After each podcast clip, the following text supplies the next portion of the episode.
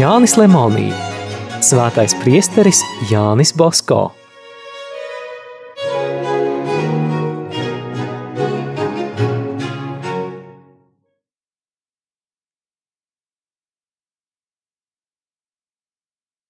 Kādu dienu Bosko uzzināja no salesiāņu misionāra priestera Evāzija Rabaljati, ka Seviļas kardināls Marcello Spinola izdevis ļoti jauku grāmatu par priesteri Bosko.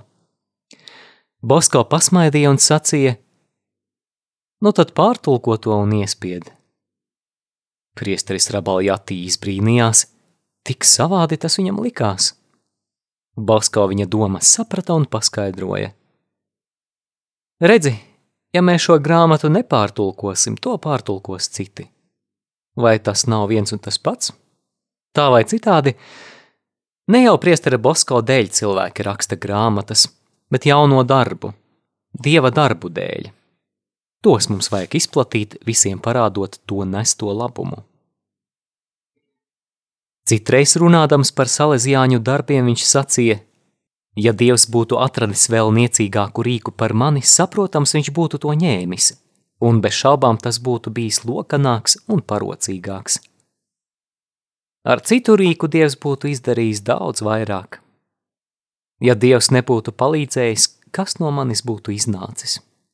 Lielākais kādas kalnu baznīciņas prāvests. Pirms savas nāves viņš sacīja – cik daudz brīnumu Dievs paveica mūsu vidū. Ko vēl viņš nebūtu darījis, ja priesteris Bosko būtu stiprāk ticējis? Tā runādams viņš ar viens laucīja asaras. Tāpat viņš raksta atmiņās, es ļoti lūdzu visus savus dēlus nerunāt, nestāstīt, nerakstīt, ka priesteris Bosko būtu saņēmis sevišķas dieva žēlastības vai darījis brīnumus. Kas tā sacītu, izdarītu ļoti kaitīgu kļūdu. Kaut gan Dievs katrā solī man devīgi piešķīra savu palīdzību, tomēr nekad neesmu sacījis, ka pazīstu un daru pārdabiskas lietas. Nekā citais nepratu, kā vien lūgties un labus cilvēkus aicināt lūgties.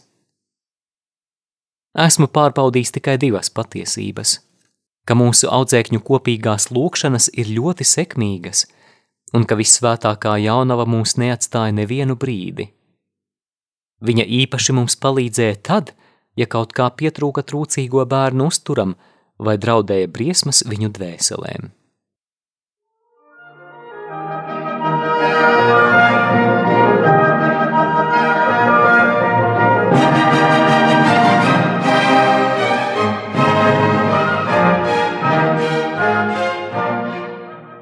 Dziļi pārliecināts, ka viņš nav nekas cits kā nabaga cilvēks, Basko bieži nopūsdamies teica: Negribētos, ka paziņas mani turēdami par to, kas es nemaz neesmu.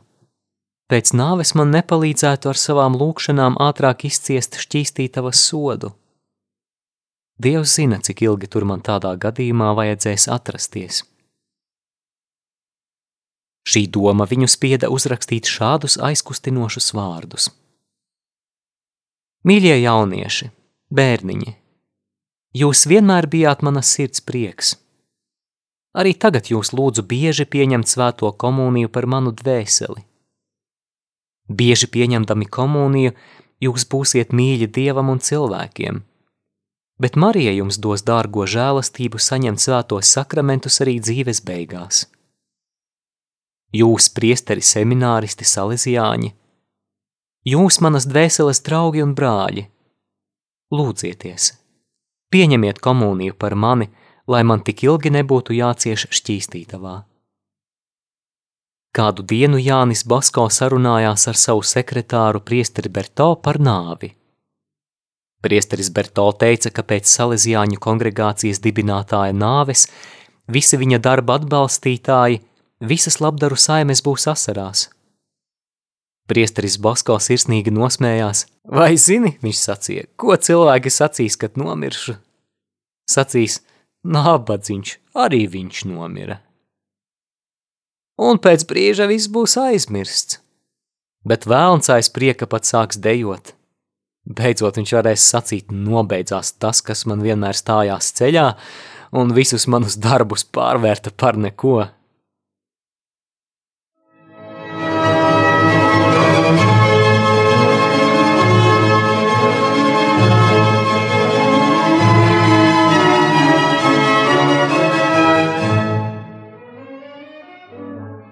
Lai kā priesteris Bosko sevi pazemināja, cilvēki tikpat daudz viņu slavēja.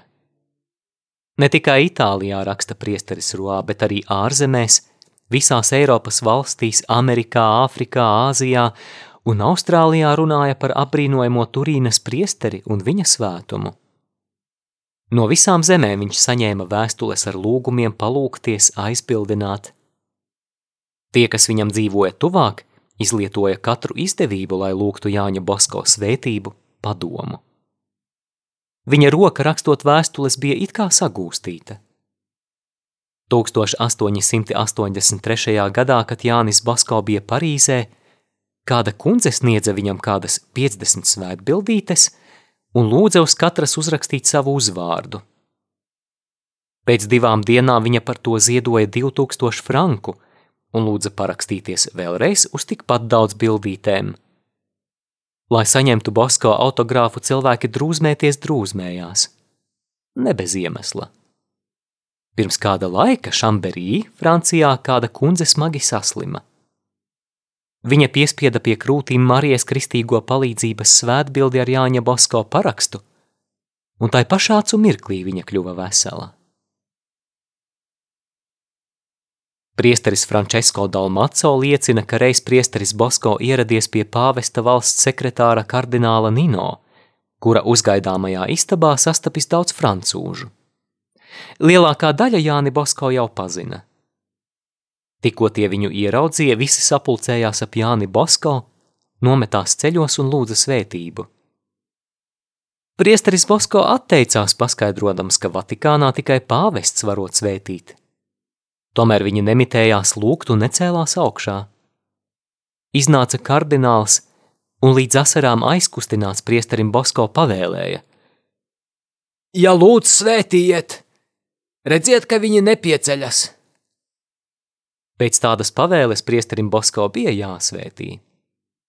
Bija gadījumi, kad kardināli lūdza viņa svētību.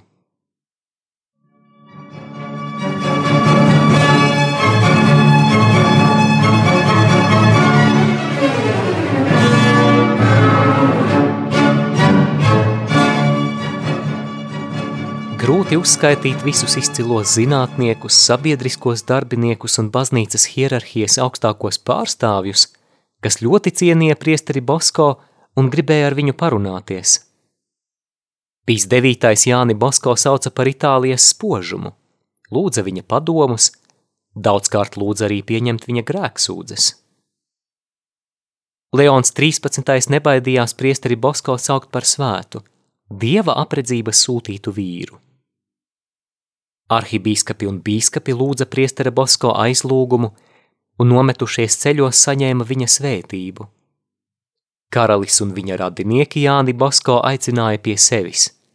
Gribēja dzirdēt, kā viņš runā, lielījās ar to, ka ir viņa atbalstītāji. Pat pasaulīgās varas pārstāvji, ministri un valdību vadītāji, dažādu partiju biedri, kam bija dažādi uzskati, izrādīja viņam cieņu un labvēlību. Pēdējā Jāņa Bosko dzīves gadā Peru valsts franciskāņu ordeņa provinciālis kuģī devās uz Eiropu. Nespēdams nekā nopietnāka kuģī strādāt, viņš izņēma no somas doktora Despinēja uzrakstīto priestera Bosko dzīves aprakstu. Līdz tam laikam viņš par Jāni Bosko nekā nebija dzirdējis. Te izcēlās tik liela vētra, ka draudēja katastrofa. Visi it kā kaut ko gaidīja, bet cerību nebija. Dievbijīgais mūks aicināja visus nomesties ceļos un lūgties jaunavu Mariju, lai viņas kalpa priestera Bosko nopelnu dēļ tiktu izglābtas viņu dzīvības. Pats savā sirdī viņš apsolīja Jāņa Bosko dzīves aprakstu pārtulkot un visur izplatīt.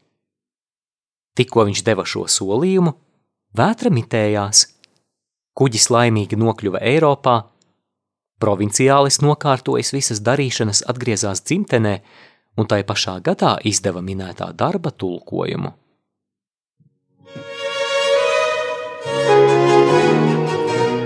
Izskanēja lasījums no Jāņa Lemonī grāmatas Svētais priesteris Jānis Bosko.